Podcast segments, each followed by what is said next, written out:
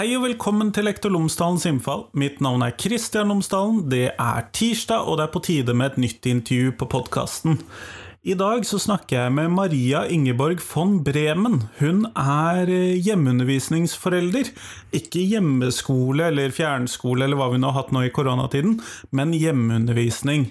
Eh, vi snakker om det nye forslaget til ny opplæringslov. Eh, det som vi da fant i NOU 2019-23, det er en NOU jeg anbefaler deg, hvis du er interessert i skole, å bestille fra departementene. Du kan faktisk bestille NOR helt gratis. Jeg fikk til og med tilsett en fra 1985 som de gikk inn og trykket opp på nytt for meg. Og alle disse sendes gratis, lages gratis til de som ønsker det. Eh, i 2019-23 er i tillegg den største og feiteste NOR-en jeg har sett. Den er på over 800 sider og er anbefalt lesning hvis du er interessert i skolen. Men kanskje plukke ut de tingene du er mest interessert i. Med Maria nå så snakker vi om det som hun er interessert i i denne loven, eller kanskje mest interessert i, det er nok mange ting hun finner interessant, men vi skal da snakke om forholdene for hjemmeunderviserne, og vi skal snakke om de historiene som eh, hun har fått fra andre hjemmeundervisningsforeldre i forbindelse med en undersøkelse som ble gjennomført i dette miljøet i anledning denne høringen. Så snakker vi om høringssvaret og en del sånne ting, så det blir interessant. Ellers, podkasten er som alltid sponset av Cappelen Dam Undervisning, og hvis du går inn på skolen.cdu.no, så finner du alle de oppleggene og ressursene som Cappelen Dam har laget i forbindelse med fagfornyelsen. Alle de tverrfaglige temaene, alle klasser, fag, temaer, alle årstrinn i grunnskolen, alt sammen, det finner du på skolen.cdu.no. Her får du intervju med Maria, vær så god.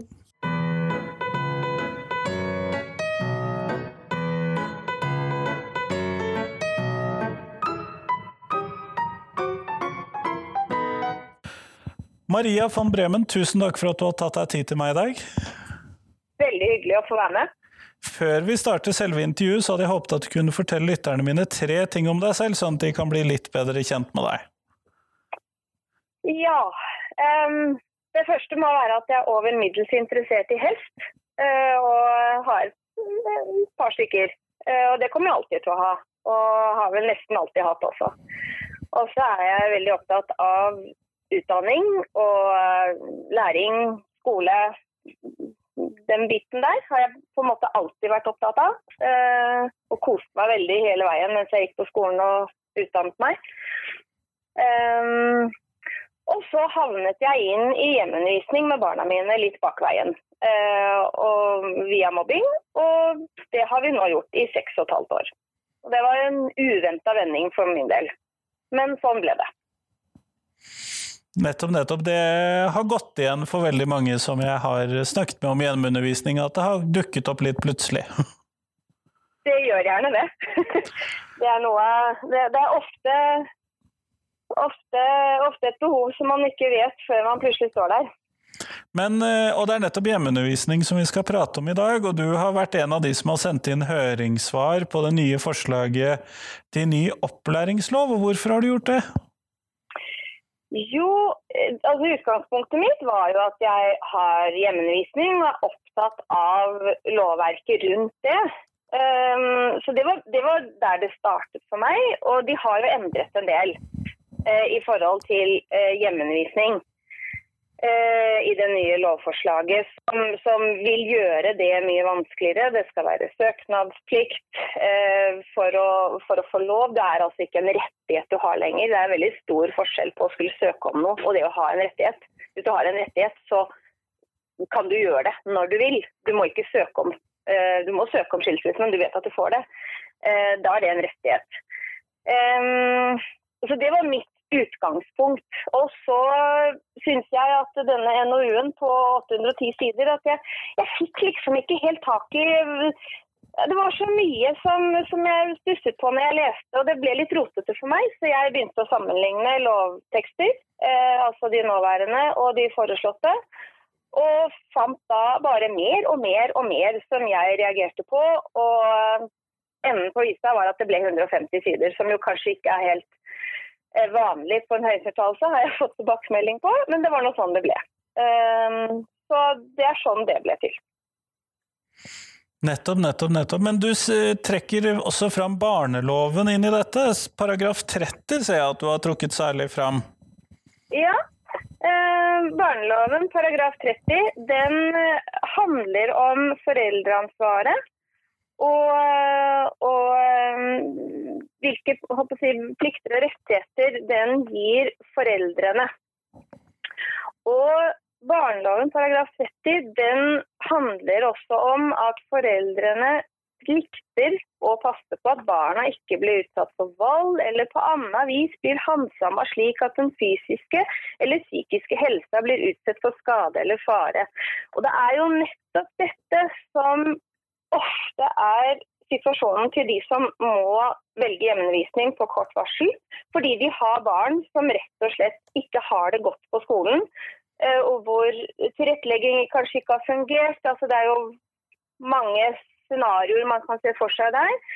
Og hvor det er veldig viktig at foreldrene har eh, rettigheter nok til å ivareta sine barn i den situasjonen som de da kan komme opp i.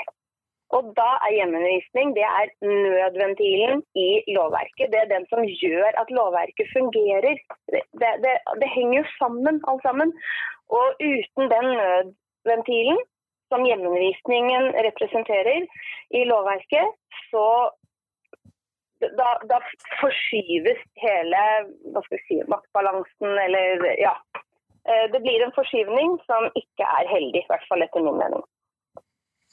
Nettopp, nettopp, nettopp. Det eh, kan jeg forstå da, når du trekker det fram sånn, men eh, hva tenker du er funksjonen til hjemmeundervisning, at man har en mulighet i det, da? Eh, det er jo flere.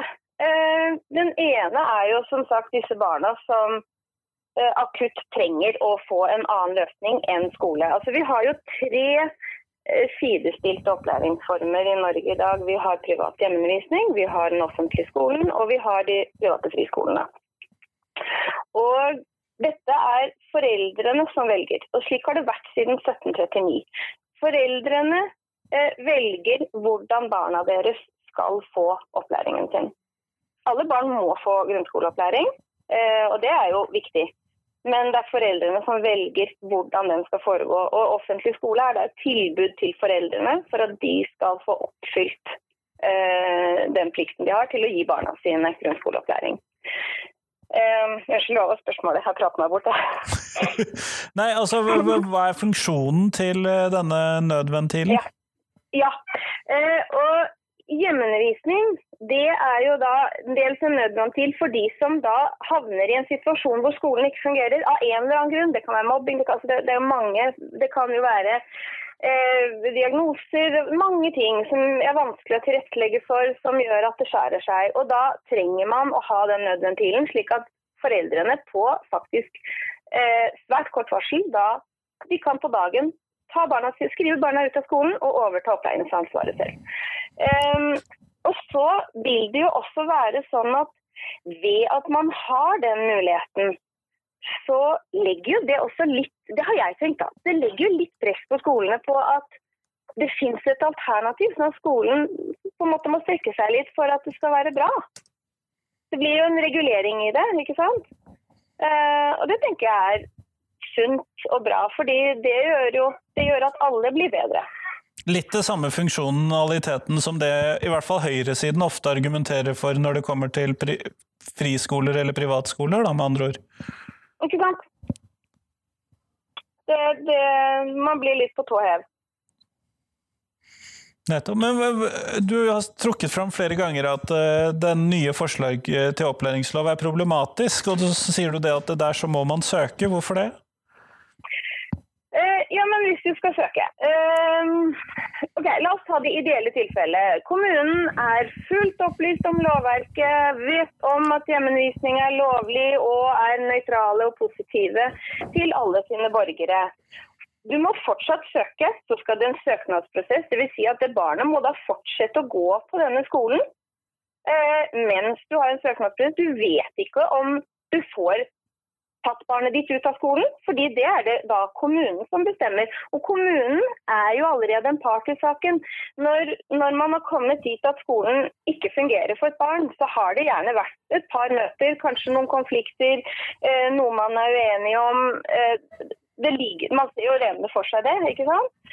Og det å da skulle søke de samme menneskene som du kanskje allerede er i konflikt med, om å få lov til å ta over eh, opplæringen, det er ikke uproblematisk. Men det var det ideelle tilfellet. Så er det jo det at um, det er ikke til å stikke under en stol at absolutt alle i alle kommuner i hele Norge er ikke godt orientert på lovverket.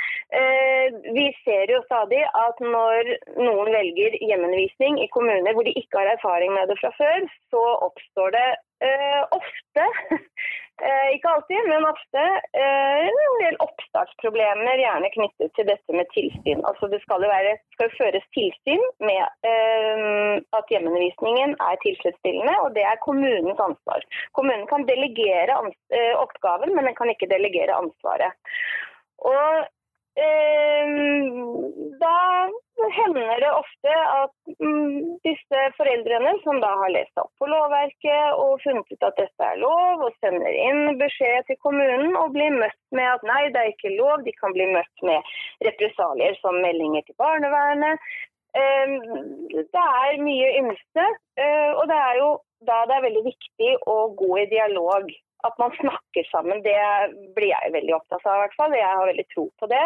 Fordi jeg kan forstå at hvis en eller annen lærer eller rektor plutselig får ansvar for å ha tilsyn med hjemmeundervisning, aner ikke, ikke at det var lov engang. Jeg kan skjønne at de føler at det er et stort ansvar. Ehm, men det å ikke kunne lovverket og så få en sånn søknad på bordet Se for deg den situasjonen, da. ikke sant? Hvor det har vært en konflikt. Disse foreldrene syns kanskje kommunen er litt masete og slitsomme, og de driver og krever masse ting for barnet sitt, og det fungerer ikke. Og så kommer det en søknad om dette her. De vet ikke engang at det er lov. Den søknaden er det jo ikke sikkert blir behandlet likt i alle kommuner. All den tid kunnskapen om lovverket allerede nå er dessverre noe lav. Nettopp, nettopp. Eh, men og, så, sånn som jeg har forstått det, så har du vært kommet Eller du har samlet en del av disse historiene i denne høringsuttalelsen, har jeg forstått det riktig da? Eh, nei, det er en egen høringsuttalelse. Eh, eh, det, det er en høringsuttalelse, og jeg må bare si det til alle som hører på. Disse høringsuttalelsene ligger på regjeringen.no, så søker man opp NOU. Vi skal klare oss å få lagt de til i ja, episodeomtalen.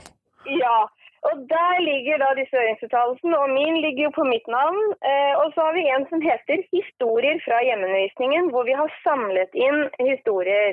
Og alle sammen ble da anonymisert eh, etter hvert. Og, eh, sånn at det står mer sånn gutt tolv år, f.eks. Eh, og dette er både voksne og barn som selv har hatt hjemmeundervisning, og det er foreldre.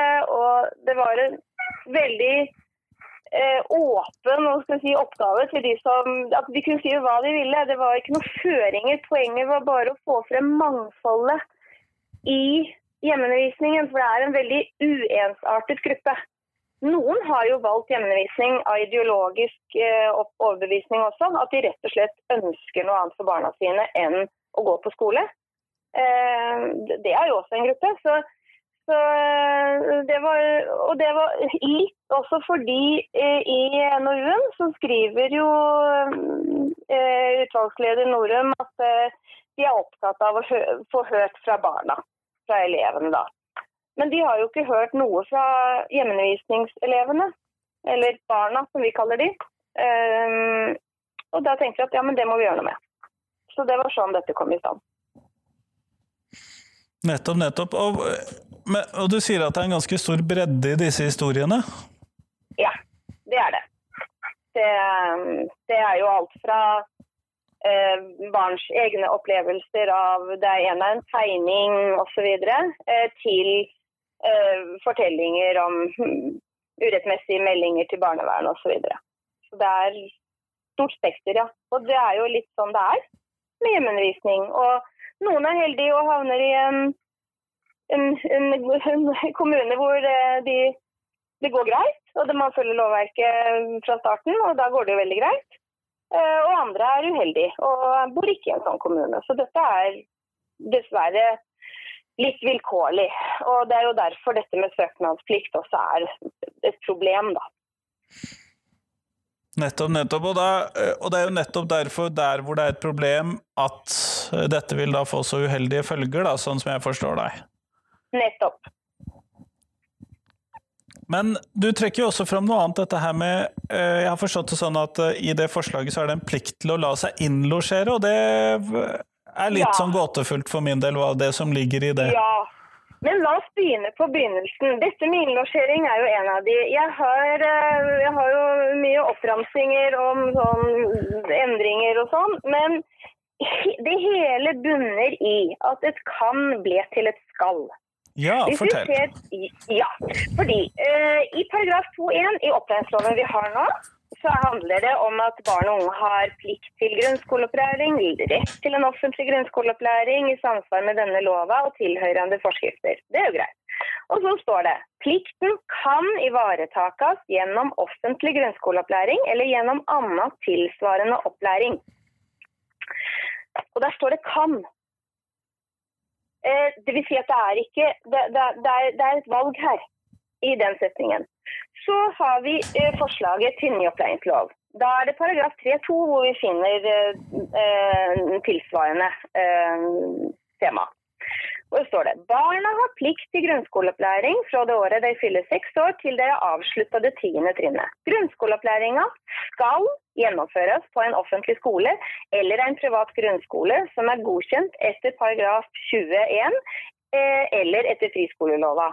Kommunen kan godkjenne grunnskoleopplæring i heimen etter paragraf 20, 25. Eh, det vil si, her står det 'skal gjennomføres på offentlig skole', og så at man må søke kommunen. Og det, Her er det en vesensforskjell.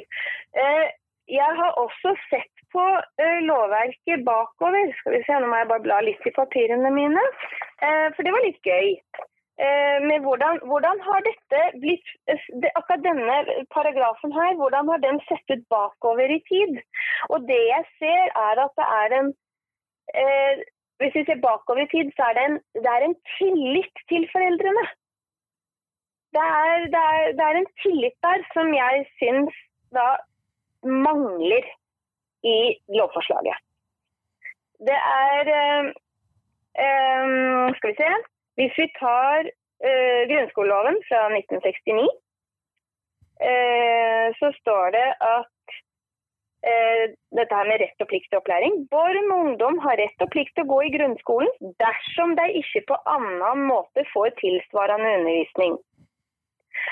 I 1959, folkeskoleloven, om rett og plikt til å gå på skolen. Alle barn som bor i kommunen har rett og plikt til å gå på folkeskolen dersom de ikke på annen måte får tilsvarende undervisning. Og så har vi eh, lov angående allmue- og skolevesenet på landet 1827. Og der står det de foreldre eller foresatte der hjemme enten selv underviser eller ved andre lade underviser barn Um, ja, det, det, uh, altså, det er ganske mye mellom her. da. De havnet oppdraget kunne vel fritages for å sende dem i skolen. Og hvis sognepresten finner at børnene forsømmes, skal han henvise dem til den alminnelige skole. Altså, hvis de underviser barna sine selv, så kan de fritas fra å sende dem i skolen. Og hvis sognepresten finner at det ikke er godt nok, altså da var det sognepresten som hadde tilsynet, da skal de må de gå på skolen. Og det er jo essensen. Det er jo sånn loven er nå i dag også, i, i prinsippet. Bortsett fra at det heldigvis ikke er sognepresten lenger. Nei, da er det ikke sognepresten. Da er det, da er det kommunen. Um, men det er en tillit her uh, som jeg savner i, i, uh, i NOU-en. Og det at dette her kan ble til et skal, det endrer på en måte premisset, og det er det jeg snakker om dette opplæringsmandatet. Som da, fordi hvem er det som har ansvaret for at barna får opplæringen sin? Jo, det er foreldrene i utgangspunktet. I disse her lovparagrafene som jeg leser opp bakover. Men når du skriver det på denne måten, så blir det skolen, eller da det offentlige, altså kommunen, som har ansvaret. Og det er en vesensforskjell. Og det går igjen videre gjennom hele NOU-en.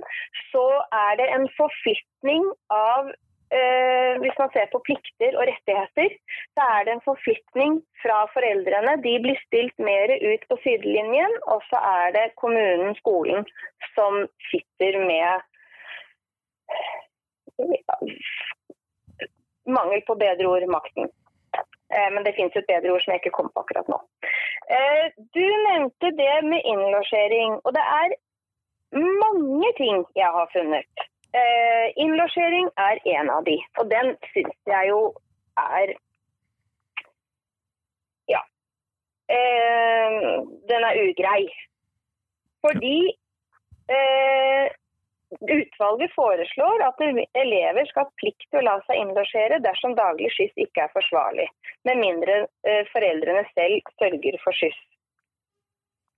Dette går på dette med skyss, om den er og, og kostnad til skyss, og om den er forsvarlig. Og jeg mener Norge, Det er veldig greit å bo i Oslo, da er skyssen stort sett forsvarlig. Det er ganske uproblematisk. Men Norge er et langstrakt land, og det er mange steder i Norge hvor det kan være usikre veiforbindelser, det kan gå ras det kan, altså det, dette, det, dette er sikkert på veldig mange rundt det ganske land som kan se for seg at det kan bli problemer med transport mellom skole og hjem. Og øh, vil vi virkelig da at kommunen kan kreve at den lille seksåringen din den skal innlosjeres fordi den skal gå på skolen? Eller syns vi at det burde være eh, litt løsere rammer og, og muligheter for et samarbeid her, sånn at uh, seksåringen faktisk får være hjemme hos foreldrene sine? Altså, det er jo det det går på. Um, jeg tviler på at det er noen som syns det er greit å la seksåringen sin bli innlosjert et eller annet sted. Det blir litt for kostskole etter engelsk mønster for min del, og det er ikke min favorittdel av engelsk tradisjon. Eh, nei. Um, og, og, de, og de, de, setter jo også, altså, de setter det jo også opp mot dette med kostnadene. Med mindre foreldra til eleven sjøl sørger for skyss og dekker kostnadene. Har det gått et ras, så kan ikke foreldrene få til det. Um, og så sier de videre at kommunen skal ha tilsyn med innlosjerte elever. Og det Ja. Eh, igjen, jeg, jeg, jeg vi alle som har hatt barn, vet jo hvordan en fem-seksåring fungerer. Uh, ja, nei, dette tenker jeg, dette kan jo ikke gå igjennom.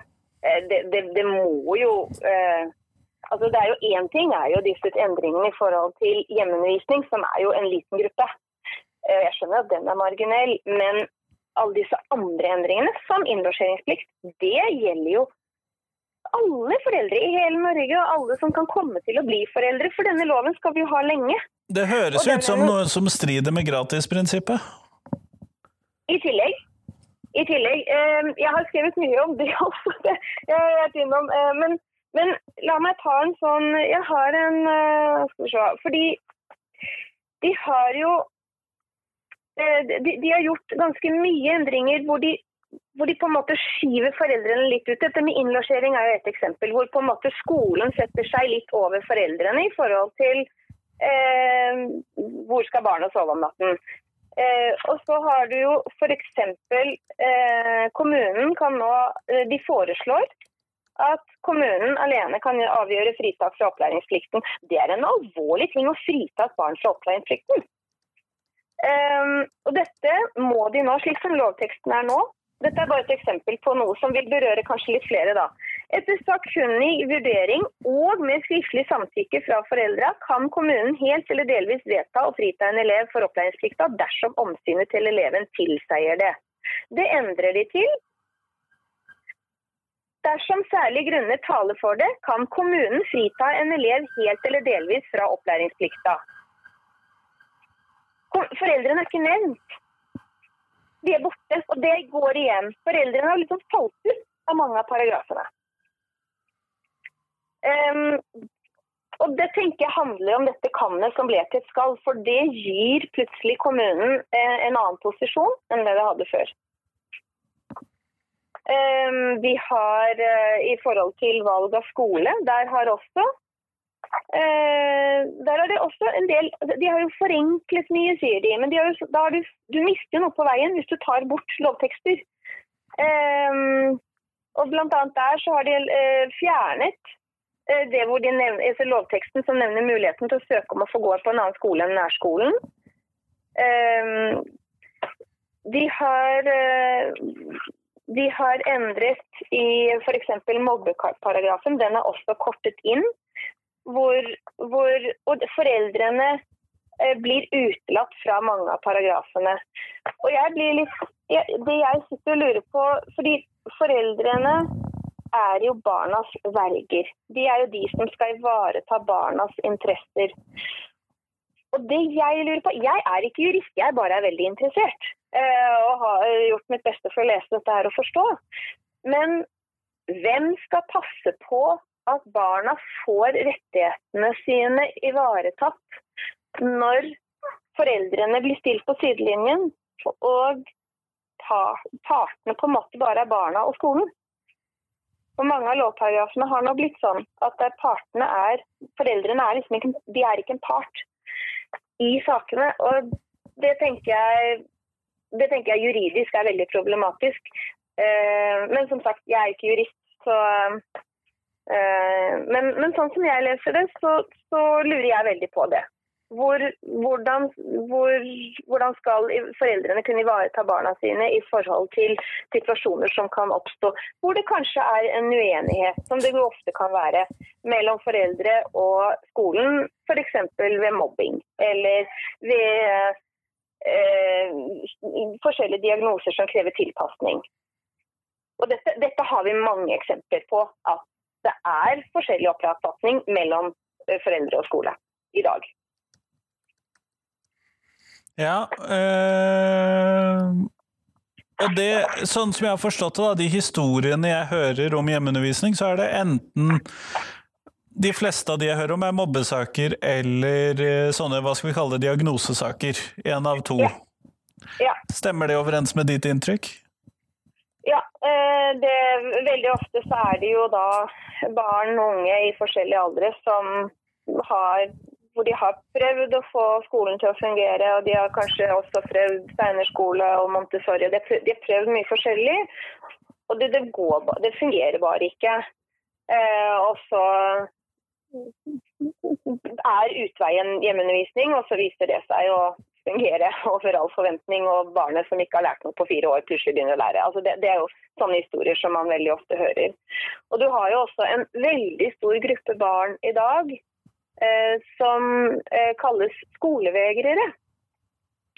Og jeg tenker at for dem er også dette For dem er det veldig, veldig viktig eh, at de har Foreldrene fortsatt har sine mandater og rettigheter intakte. Og Det er en mye større gruppe enn de som faktisk går til det steget å ta hjemmeundervisning. Det er jo det er jo et stort ansvar å ha hjemmeundervisning for barna sine. Og det er ikke alle som føler at de tør å ta på seg det ansvaret. Det er det mange som, som sier til meg av de som har skolevegrere, at nei, det føler jeg blir for stort ansvar. Eh, men de har jo like fullt behov for å ha rettighetene sine intakt i lovverket. Ja, det kan jeg jo se for meg. Men du skriver også at uh, denne loven vil ha en sentraliserende effekt. og tenk, ja. Hvorfor tenker du det? Jeg tenker på bl.a. dette med innlosjering. Eh, det, det beklager. Det går bra. Eh, Vi har god tid. det er mange sider.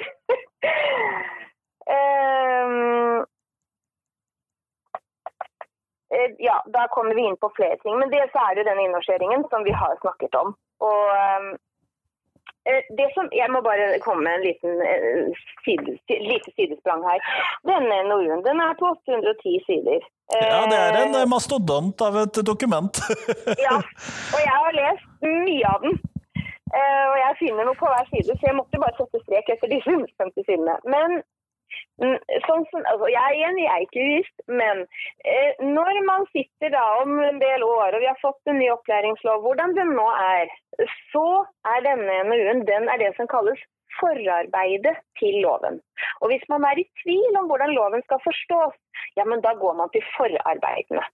Og dette her er det dokumentet som skal ligge til grunn for hvordan man skal forstå den nye opplæringsloven. Det, det, det, er, det, som, er der de forklarer hva de er ment med lovtekstene. Og det er når du går inn i alle disse, alle disse tekstene hvor de da har skrevet om bakgrunnen i forhold til de forskjellige temaene, hva de har tenkt og hva de har konkludert med. Og der står det veldig mange ting som eh, er ugreie. Sier det pent, ja. Eh, ja. Og de tekstene er også viktige, fordi det er forarbeidene, og det er slik man skal forstå loven. Eh, og, og, der finner man veldig mye ting som, som uh, Det er gjerne der du finner dette her hvor foreldrene blir skjøvet enda mer ut. Ikke bare i lovtekstene, men, men det, det, det, avdekker jo en Det legger jo opp til et kontrollregime hvor, hvor foreldre og barn skal kontrolleres. Og vi er veldig opptatt av dette med at barnas Altså den, den, opplæringen som er på en måte noe verdt, det er den som skjer ved at eleven møter opp. De knytter det veldig tett opp til eh, oppmøtet. Og som sagt, Norge er langstrakt. Eh, det å at veien blir stengt, uh, uvær altså det, det er mange mennesker i Norge i dag har sånne ting i livet sitt eh, mange ganger i løpet av en vinter. Og det å Du skal ha en lov som fungerer for dem også. Eh, skrevet en fortelling. Jeg skrev, jeg skrev, en fortelling om dette her, jeg. Eh, den kan jeg ikke lese nå, det blir jo litt for langt. Men den heter 'Familien Avsidesen og det store raset'. Ja, og den finner man i vedlegget ja. som kommer til å ligge på podkastepisoden. ja. Og den, den, er selvfølgelig fiktiv, men den er basert på dels det jeg har funnet i uh, lovverk, lovforslaget. Og Eh, erfaringer jeg har fra samtaler, og jeg har også gjort en ganske stor undersøkelse i forhold til hjemmeundervisning, eh, som jeg ikke har rukket å skrive rapporten på dessverre ennå, for jeg skrev dette isteden. Men, eh, men den handler jo da om en familie hvor det går et ras. Og de får plikt til innlosjering på sin lille datter, som de jo ikke vil. Og, og, dette, og her følger da skolen dette lovverket som er foreslått hvor, eh, hvor de, eh, de pukker på at nei, hun må møte opp. Og så eh, ja, men da får vi søke om hjemmeundervisning. De finner ut at det er mulig, så får de avslag på den søknaden. For det kan jo skje, ikke sant? Dette, de har ikke begrunna det godt nok eller noe. Ehm, det kan jo være mange grunner til å gi avslag. Og de ender opp med å bli meldt til barnevernet, som jo mange opplever når de kommer i konflikt med kommunen i forhold til sånne ting det er eh, alarmerende antall uh, meldinger til barnevernet uh, urettmessig i forhold til skolevegrere og spesielt uh, og I denne fortellingen så ja, Jeg skal ikke si slutten, men, men det vil jo gjøre det vanskeligere å få bosetting litt utover i periferien, for å si det sånn. fordi folk vil kvie seg Eh, hvis lovverket blir så strengt at du risikerer å måtte innlosjere barnet ditt eh, hvis veien blir stengt, at du kan uh, måtte betale kostnadene for skyssen for å slippe innlosjering altså det, det, er en del problematiske aspekter ved det her, altså. Som, som eh, eh, Så det vil virke sentraliserende. Folk velger barna sine. Det vil de gjøre. Og blir det vanskelig å bo et sted og samtidig ha barn på skolen, eh, så, så vil folk velge å flytte derfra. Ja, det kan jeg forstå. Og det er en annen ting også i forhold til dette med oppmøte, eh, som vi ikke har vært innom. Men det, er, det handler om retten til videregående skole. Eh, og den igjen så, så eh, skal jeg bare bla litt. Rann. Så står det jo at eh, de som har fullført grunnskolen eller tilsvarende opplæring, har rett til videregående opplæring. Og den jo Den står der fortsatt. Så alt ser fint ut. Dette, ja ja, ingen endringer der. Um, men så sier de at altså, de foreslår å innføre en mulighet for å ikke ha fullført grunnskoleopplæringen selv om eleven har gått ut tiende trinn. Fordi sånn som det står i opplæringsloven vi har nå, så står det retten og plikta til opplæring varer, varer til eleven har fullført det tiende skoleåret. Men så har de eh, endret her. Da kommer vi til uh, Nå skal jeg bare skumme igjennom. Uh, så står det de som har avslutta det tiende trinnet i grunnskolen uten å ha fullført grunnskoleopplæringa eller tilsvarende opplæring, har rett til ett år med tilrettelagt grunnskoleopplæring ved en videregående skole. Det vil si at du kan altså ha gått ut tiende trinnet og fortsatt ikke ha fullført grunnskoleopplæringa. Og det er ganske alvorlig. Det er et stort steg tilbake da får vi eh, et skille på de som ender opp på videregående og de som faktisk ikke går videregående. Tenk deg en skolevegler da, som har tygga seg gjennom og klart å komme seg gjennom det tiende trinnet og endelig skal få lov å begynne å velge noe den selv vil og kanskje få livet sitt til å fungere. Nei, da skal vi ha mer i grunnskole. Fordi den ikke har møtt opp. Fordi, det, Og da må man inn i disse her tekstene. Eh, og det, det, de har tenkt i utgangspunktet, er jo f.eks eh, ungdom som kommer til Norge i ganske eldre alder, da. Altså ikke som små barn, og som derfor kanskje ikke De kanskje er analfabeter, de kanskje Ja, så du må begynne. Du må begynne på scratch eh, kanskje i en alder av la oss si 13 år, da. Det sier seg selv at det den ungdommen kan ha behov for ekstra opplæring før den begynner på videregående, for å faktisk ha glede av å gå på videregående. Og Det er jo en veldig god tanke. Eh, men så eh, så, men, så, men, problemet er at da trekker man jo også med seg andre elevgrupper som de virker som de ikke har tenkt på. Uh, der står det utvalget foreslår derimot at elever ikke uten videre skal anses å ha fullført dersom de bare har deltatt i grunnskoleopplæringen i et svært begrenset omfang, slik regelverket praktiseres i dag. Det avgjørende skal være hvor mye opplæring den enkelte faktisk har fått. Ja, og da eh, tenker man kanskje på opplæring som i skoleoppmøte, da. Eh, det er jo det avgjørende om det er det man mener. Ja, de knytter det til oppmøtet. Uh, og det, de kommer videre her. Denne setningen syns jeg er ganske utrolig. For vi har i Norge i dag så har vi kompetansemål. Det er det vi jobber mot i de forskjellige trinnene. Og Eh, det vil si at det er ikke, det er ikke konkrete mål eh, ofte. Det er, det er, altså en oppnådd kompetanse som man kan ha i varierende grad. Eh, og så skriver, utvalg, skriver, de her. Utvalget understreker at dette ikke vil være spørsmål om elevens oppnådde kompetanse, men at han eller hun har mottatt grunnskoleopplæring i et tilstrekkelig omfang. Og da, tenk, eh, da tenker jeg at eh, Det er litt på siden av sånn som vi har forstått kompetansemålene til nå, i hvert fall. Ja, ja ikke sant. Og jeg er jo igjen øh, ikke advokat, jeg, jeg, jeg, er jo litt lek, lekmann på dette her. Men Kjære, vakre vene, er det ikke det som er hele poenget med kompetansemål? At du kan oppnå dem på hvilken måte du vil, men at poenget er at du oppnår kompetansen. Eh, og så skriver de at det er ikke poenget. Det Poenget er at du møter opp og får opplæringen. um, og jeg tenker at det å knytte retten til videregående um, opp mot oppmøte, det vil være svært uheldig for veldig mange elever. Jeg tenker da spesielt på skolevegrerne, som ja.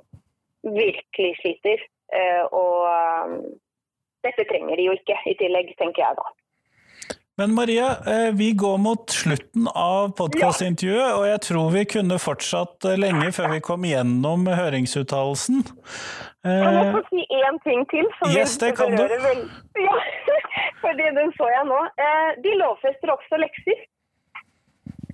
Ja.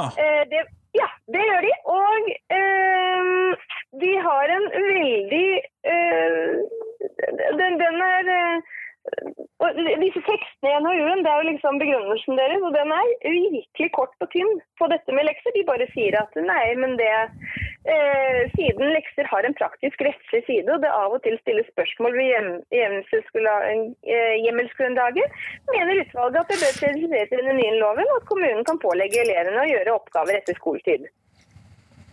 Um, det står jo mer. Men, men altså, jeg syns jo det er veldig lettvint, for det er jo et omdiskutert tema. Det høres i hvert fall ut som det mangler en sånn elevene i skolen, en sånn i det minste. Ja. Eh, så eh, summa summarum. Eh, ja, vi i hjemmeundervisningsmiljøet vi reagerer jo veldig fordi den er, den er jo alvorlig i forhold til hjemmeundervisningen. Men det store problemet eh, gjelder hele Norges befolkning. Og det er at opplæringsmandatet blir flyttet fra foreldrene og til eh, kommunen, staten. Og det berører alle. Kjempeflott, Maria. Tusen takk for at du tok deg tid til meg i dag. Også for de som har hørt på, så ligger begge høringsuttalelsene i eh, vedlegget på nettsiden til Lektor sin fall. Veldig hyggelig å få være med.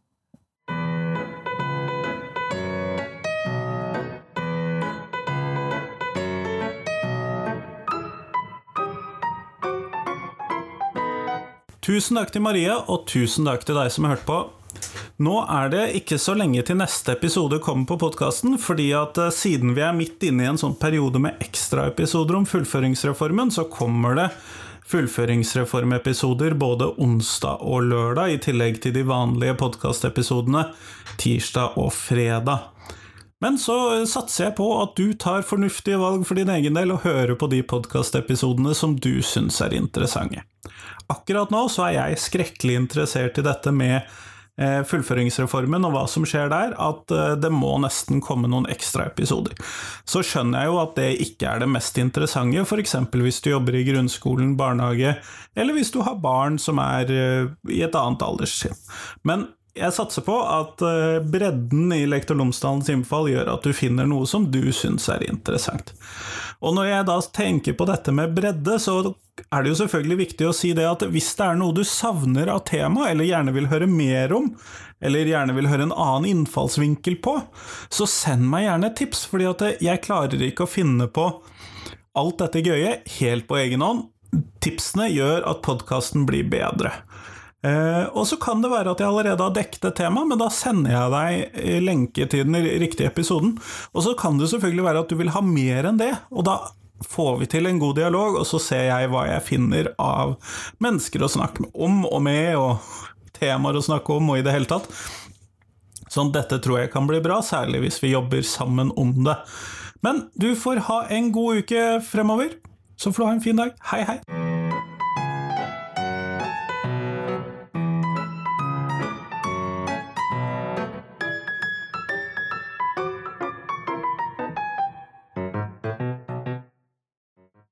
Husk det at du kan gå inn på iTunes, podkaster andre steder, og så rate podkasten.